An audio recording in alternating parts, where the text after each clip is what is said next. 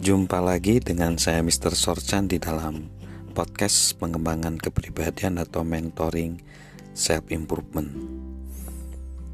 Konsep pendaki dan penjalin hubungan pada segmen sebelumnya adalah sebenarnya intinya bahwa jika kita mendaki tanpa menjalin hubungan, kita mungkin memperoleh otoritas, tetapi kita tidak akan menjadi banyak tidak memperoleh banyak sahabat. Ini persoalannya. Maka gimana sih caranya untuk kita uh, bisa menjalin hubungan dengan orang lain? Kita perlu memberikan apresiasi. Apresiasi ini mengizinkan adanya perbedaan pada orang dan menganggap perbedaan itu menarik. Lalu kepekaan, mengetahui tentang perasaan pribadi dan dengan cepat menyesuaikan diri dengan suasana hati orang lain. Lalu konsistensi, ini memiliki kualitas menjadi nyata tidak palsu dan hanya memberikan pujian yang tulus. Lalu keamanan, tidak berusaha untuk menjadi nomor satu, tetapi tahu bahwa tidak otomatis kalah ketika orang lain menang. Dan humor, mentertawakan diri sendiri dan menjadi pribadi yang tidak terlalu sensitif.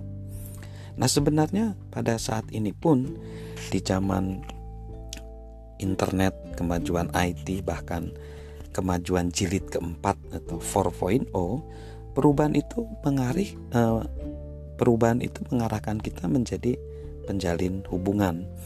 Orang-orang kaya dulu mulai dari zaman John D. Rockefeller lalu sekarang ke zaman Bill Gates ke zaman uh, Facebook Mark Zuckerberg ya dan um, banyak sekali ya. Uh, sebenarnya yang menjadi masalah sebelum kita masuk ke eh, perkembangan jilid keempat itu banyak orang juga berpikir bahwa dengan mendaki dengan sukses tanpa menjalin hubungan mereka nggak mengalami kebahagiaannya tapi sebenarnya udah dicatat sih di zaman dulu ya.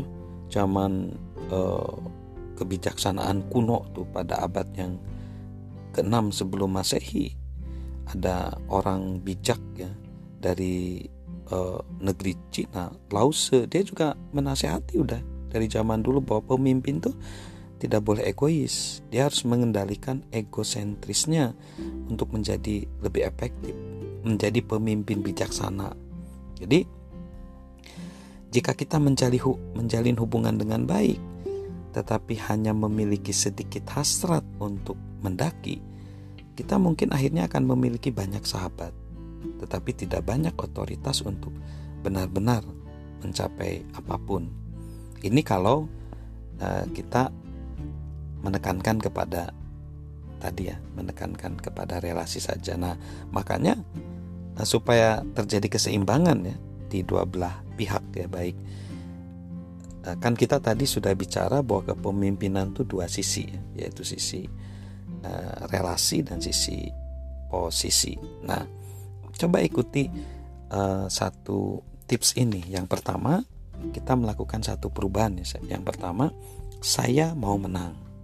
Lalu yang selanjutnya, saya mau menang dan Anda juga dapat menang. Lalu saya mau menang bersama dengan Anda.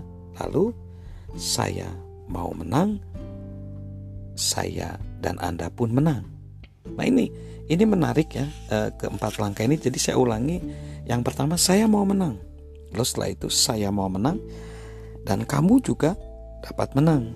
Saya mau menang bersama dengan kamu. Lalu saya mau kamu menang dan saya juga mau menang. Jadi ini artinya menang bersama. So, jadi mari kita menjadi pemimpin yang bisa kita terapkan di keluarga ya di pekerjaan di mana pun yaitu menang bersama menang bersama salam sukses luar biasa bersama dengan saya Mr. Sorjan